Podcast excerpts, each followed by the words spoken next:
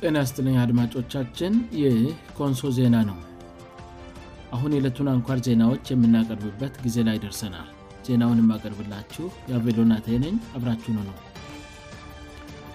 አርስ ዜናዎቹን በማስቀደም የዕለት ሐስ ሀሳ21 ቀን 2014 ዓም አንኳር ዜናዎችን አሰማለሁ የካራት ከተማ የውሃና የመብራት ችግር አሳሳቢ ደረጃ ላይ መድረሱን ነዋሪዎች ተናገሩ የኮንሶ ልማት ማህበር የጎበዝ ተማሪዎች የልቀት ማይከል ለመገንባት ቦታ መረከቡን አስታወቀ ከዚህ በፊት በግጭት ምክንያት ወድሞ የነበረው የፉጩጫ ጤና ኬላ ታድሶ በነገ ዕለት ለአገልግሎት ክፍት እንደሚሆን ተገለጸ አሁን ዜናውን በዝርዝር አሰማነ የካራት ከተማ የውሃና የመብራት ችግር አሳሳቢ ደረጃ ላይ መድረሱን ነዋሪዎች ተናገሩ በካራት ከተማ የውሃ አቅርቦት ረገድ ከፍተኛ ሚና ስጫወት የነበረው ጀነሬተር በመበላሸቱ ምክንያት በካራት ከተማ ውሃ ከጠፋ ብዙ ቀናት ማስቆጠሩን የተናገሩት የከተማው ነዋሪዎች የከተማዋ የውሃ አቅርቦት እጅግ አሳሳቢ ደረጃ ላይ ይገኛል ስሉ ለኮንሶ ዜና ተናግረዋል የከተማው አስተዳደር ና የዓለም አቀፍ ፍልሰት ድርጅት iom ከኃይለ እየቀዱ ለከተማዋ ነዋሪዎች በማቅረብ ጥረት እያደረጉ ያሉ ቢሆንም በ10 ሺዎች ለሚቆጠሩ የከተማዋ ነዋሪዎች እዚ ግባ የሚባል መፍትሄ እንዳልሆነ እና አስቸኳይ ዘላቂ መፍትሄ እንደሚፈልግ በመናገር ቅሬታ አቅራቢዎቹ አማረዋል በተጨማሪም ሁለት የግል በወቴ መኪኖችም ውሃውን በሽያጭ ለከተማዋ ነዋሪዎች በማቅረብ ላይ መሆናቸውን እና በተመሳሳይ የከተማዋ ባጃጆችም በአንድ ጊዜ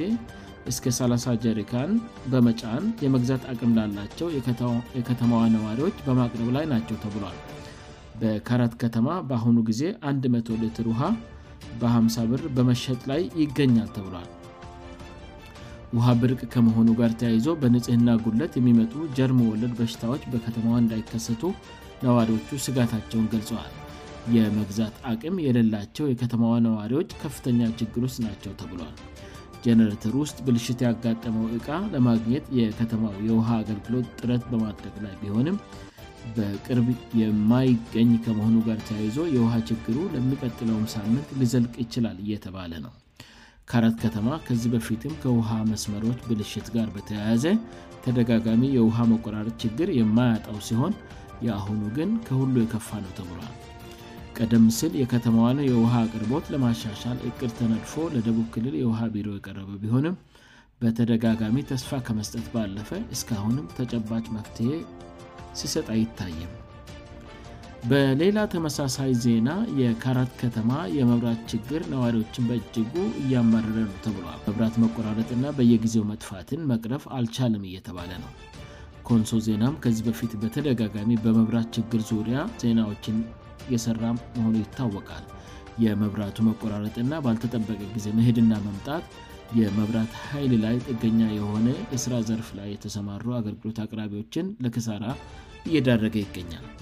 የመብራት ቆጣሪ ያላቸው ግለሰቦች የመብራቱ መቆራረጥ ያስከተለባቸው ችግር ሳያንስ እጅግ ከፍተኛ ክፍያ እንደሚጠየቁ ይናገራሉ በወር በብዙ ሺዎች የሚቆጠር ገንዘብ እንደሚቆጥርባቸው የተነገራቸው ሰዎችንም ያነጋገርን ሲሆን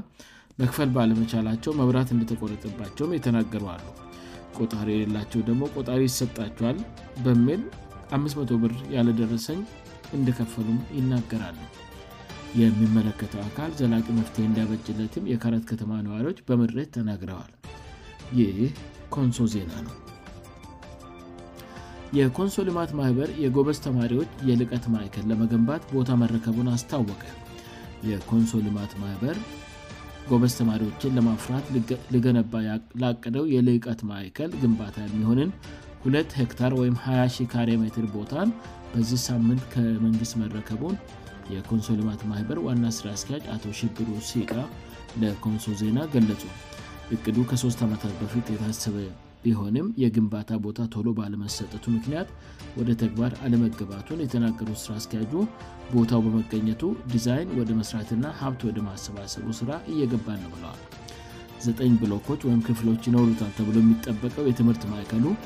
በልማት ማህበሩ ሀንድሶች ጊዜያዊ ግመታ መሠረት ግንባታው ከ60 ሚን ብር በላይ እንደሚፈጅ ይጠበቃል በቦታ አለመገኘት ምክንያት ተጓቶ የነበረው የዲዛይን ስራም በቅርቡ ይጨምራል ብለዋል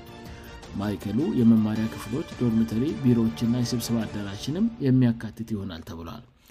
አሁን ላይ ልማት ማህበሩ የሀብት ማሰባሰብ ስራ ላይ መገኘቱን የተናገሩት አቶ ሽብሩ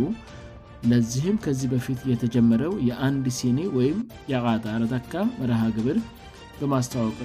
በማስተዋወቅ ላይ ነን ብለዋል ብዙዎችም እየተቀላቀሉ እንደሆነም ተገልጿል ኮንሶ ከ100ህ በላይ ምሁራንን ማፍራቷን የሚናገሩት አቶ ሽብሩ ሁሉም የዚህ የሀብት ማሰባሰብ መርሃግብር አካል ከሆኑ ለወደፊት በዓመት እስከ 18 ሚሊየን ብር መሰብሰብ ስለሚቻል የልዕቀት ማይከሉን በቀላሉ መግንባት እንችላለን ብለዋል የልማት ማህበሩ የበጀት ዓመት በጎርጎርሳውያን የዘመን ቀመር እንደመሆኑ መጠን የአንድ ሲንቡና ወይም የአጣረጠካ ዓመታዊ ክፍያቸውን ያልፈጸሙ የማህበሩ ደጋፊዎች እስከ ነጌ ታይሳስ 22ቀን221 ድረስ እንዲያስገቡና የዚህ በጎ ዓላማ አካል ያልሆኑም በመሆን አሻራቸውን ያኖሩ ዘንድ ዋና ስራ አስኪያጁ በዚሁ አጋጣሚ ጥራያቸውን አገርበዋል ይህ ኮንሶ ዜና ነው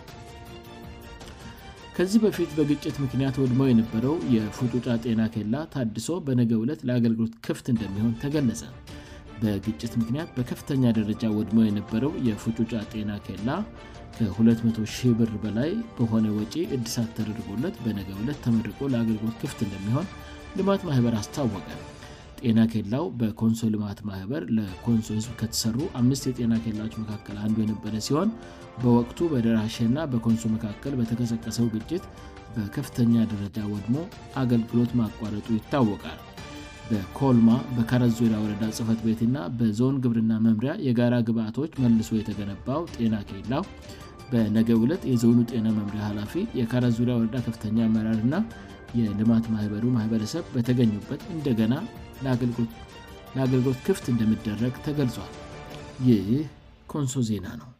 አድማጮቻችን ዜናውን ከማብቃት በፊስ አርስተ ዜናዎቹን በድጋሚ አሰማለ የካረት ከተማ የውሃና የመብራት ችግር አሳሳቢ ደረጃ ላይ መድረሱን ነዋሪዎች ተናገሩ የኮንሶኒማት ማኅበር የጎበስ ተማሪዎች የልቀት ማይከል ለመግንባት ቦታ መረከቡን አስታወቀ